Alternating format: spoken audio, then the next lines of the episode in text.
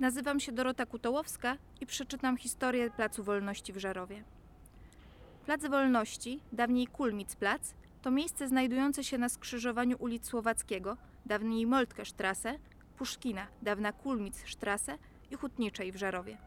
Centralnym punktem niniejszego placu jest pomnik, wzniesiony prawdopodobnie w latach 1919-1934 ku pamięci 190 żołnierzy, poległych mieszkańców Żarowa oraz huty Ildy i Marii w I wojnie światowej.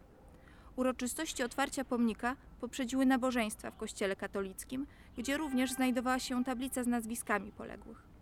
Zbiórkę wśród mieszkańców rozpoczęto kilka lat wcześniej.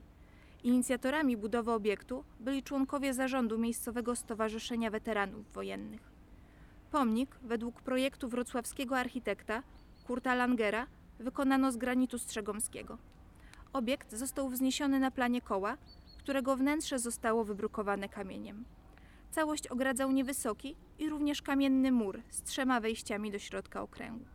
W centralnej części wnętrza znajdował się obelisk wzniesiony z trzech bloków łączonych żelaznym spoiwem.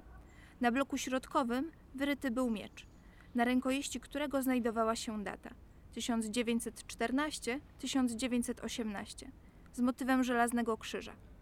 Wspomniana centralna część obelisku do dziś leży w pobliżu całej konstrukcji.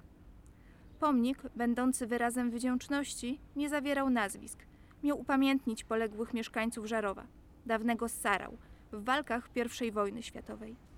Po 1945 roku obelisk został zniszczony ze względu na wrogą symbolikę pomnika, która kojarzyła się z III Rzeszą. Pomnik został zdegradowany i dziś w miejscu obelisku można zauważyć sześciokątny, betonowy klomp, w którym nic nie rośnie.